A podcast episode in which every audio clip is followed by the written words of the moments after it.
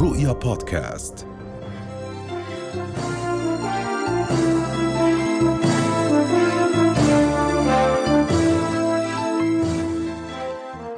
ومكملين معاكم دكتورة ربا مشربش للحديث عن الأنماط غير الصحية من الغذاء والنظام اللي ممكن نتبعه لحتى ما يصير عندنا أمراض مزمنة. وما هي الأكلات وما هي المشروبات اللي تسبب الالتهابات والأمراض المزمنة؟ صباح الخير دكتورة. صباح الخير صباح إيه، دكتورة بدنا نحكي عن الأنماط الغذائية غير الصحية اللي ممكن نكون عم نمارسها واللي بتزيد من احتمالية إصابتنا بالالتهابات والأمراض المزمنة.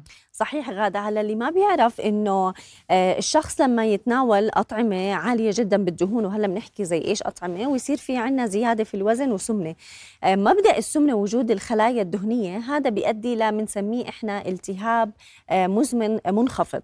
يعني نفس الخلايا الدهنية وجودها بكميات أكثر من الحد الطبيعي خلايا الدهنية بتصير تفرز مواد مسببة للالتهابات بنسميها السيتوكينز فمبدأ إنه الواحد يبدأ يتناول أطعمة بتزيد من حجم الخلايا الدهنية لأنه الخلايا الدهنية هي عبارة عن خلية. بتتعبى دهون إذا زاد عندنا وزن ولما يصير في عندنا فقدان للوزن بصير نخسر لكمية الدهون الموجودة بهاي الخلايا. كل ما كبرت هالخلايا الدهنية كل ما صارت يعني الناس بيفكروا إنه الخلايا الدهنية هي عبارة عن خلايا صامتة يعني عبارة عن دهن موجود داخل الخلية ما بيعمل أي شيء ولكن كل ما ما اهتمينا إحنا بنمط الغذاء ونوعية الأطعمة هاي الخلايا بتكبر بالحجم ويصير في عندنا كمية دهون عالية تفرز مواد مسببة للالتهابات. وهاي المواد المسببة للالتهابات مع الوقت بتعرض الشخص لأمراض مختلفة أمراض مزمنة زي أمراض القلب آه، تصلب الشرايين آه، السكري بعض أنواع السرطانات.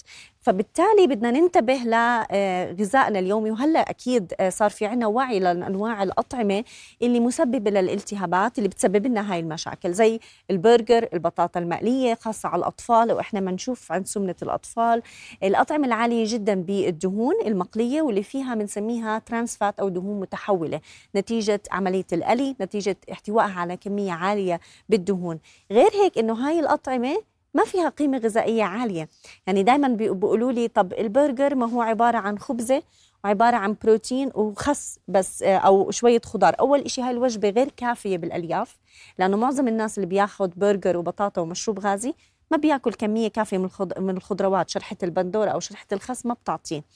آه، اثنين إنه مرات بتكون الوجبة محضرة بكمية عالية من الدهون والصلصات عالية بالدهون أو هلأ صار في عنا نوع من الإغراء بعملية الشراء. يعني بقول لك آه، اشتري برجر واحصل على الثاني مجانا. فهذا بيخلي الشخص إنه مش بس بده يأكل وحدة بده يأكل تنتين. أو مثلا آه، اشتري double إنه يكون في عنا كمية الجبنة واللحمة. هاي هون أنت عم تأخذ double كمية الدهون والدهون المشبعة والسعرات الحرارية. فهاي الوجبات مشكلتها إنها ما بتعطي قيمة غذائية عالية. قليله كتير بالعناصر المفيدة اللي أهمها الألياف وتناولها بكثرة. وبشكل لأنه في ناس آه، بيطلبوا وجبات سريعة بمعدل يعني إذا مش كل يوم يوم بعد يوم. طبعا طبعا. أربع مرات في نعم. الأسبوع. إحنا ما بنحكي إنه الواحد ما يعمل نقدر نعمل برجر بالبيت أو نطلب آه، وجبة خفيفة وما تكون بشكل آه، يومي. نعم. فابتعادنا عن هاي الأطعمة له آثار صحية جدا إيجابية لأنه كل ما قللنا من تعرض تناولنا لها كل ما نعم. أثر على صحتنا. هلأ دكتورة دائما أنا بقول فكرة ارتباط الوجبات السريعة المشروبات الغازية كل ما يضر جسمنا بالمكافأة. بالضبط. هي فكرة مخيفة شوي. طبعا. أول إشي في عنا مكافأة اقتصادية وطريقة تسويق إنه مثلا بقول لك خذ هاي الوجبة وسعر أقل أو خذ هاي الوجبة واحصل على الثاني مجاني. فإحنا إنه أنا بس عم بفكر إنه أنا عم بحصل على شيء مجاني ما عم بفكر بصحتي. هاي أولا.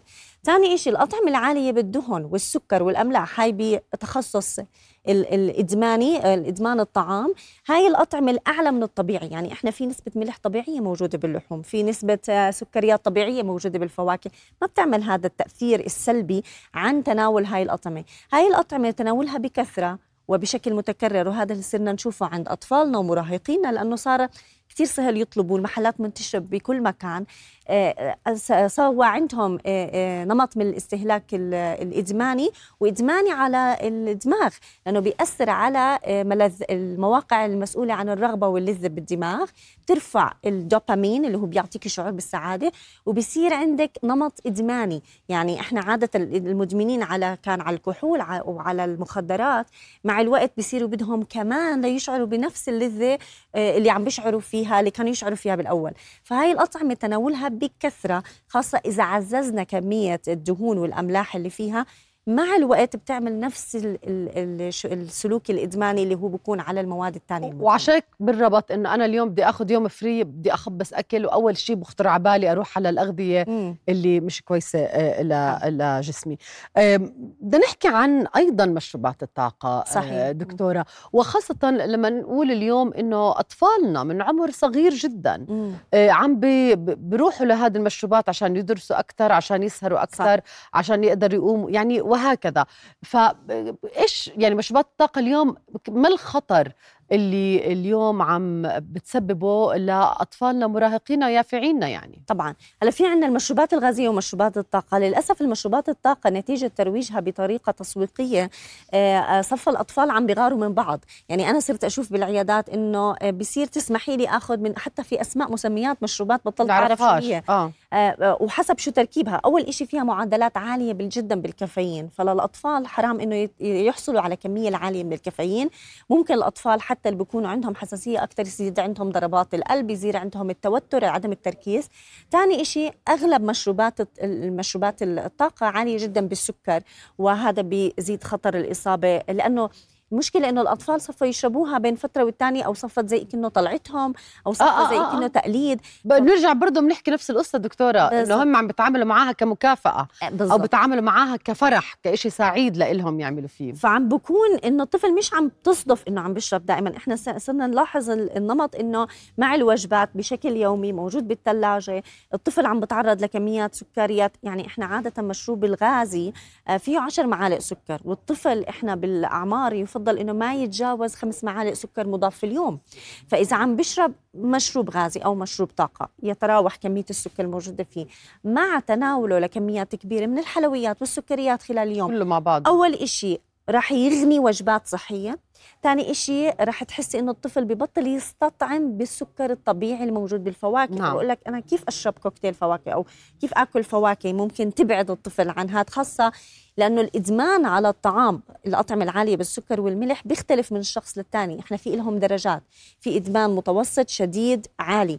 يعني في أشخاص بيكونوا ممكن حساسين أكثر لهي الأطعمة وتعلقهم فيها نعم. أكثر من أشخاص ثانيين طب بآخر دقيقة دكتورة عشان ما يحسونا إنه إحنا رايحين فقط إنه نمنع حالنا تماما آه عن صحيح. تناول هذه الأطعمة مع إني أنا أعتقد إنه لازم نمنع حالنا تماما عن تناول هذه الأطعمة هل اليوم ممكن ندخل هذه الأطعمة بشكل متوسط بشكل ما يؤذي يأذينا بشكل صح. ما يسبب لنا كل هذه المشاكل هلا أول إشي بالنسبة مثلا للأطعمة الجاهزة إحنا ما عم نحكي الحرمان التام إحنا بنحكي عن إنه تقليل التعرض وما يكون بشكل أسبوعي وفي بدائل يعني إحنا حتى البرجر اللي آه، ممكن عالي بالدهون ممكن أنا أعمله أتحكم بالبيت بالطريقة الصحية اللي أقدر أحضرها ممكن أعمل معها سلطة ممكن أشوي البطاطا بالفرن ممكن أشوي بالقلاية الهوائية وغيرها.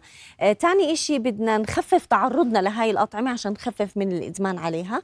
آه إشي بدنا نركز إنه يكون أطفالنا مراهقين الجيل الصاعد هدول عم بتربوا على تغذية صحية اللي ما بتأثر على دماغهم.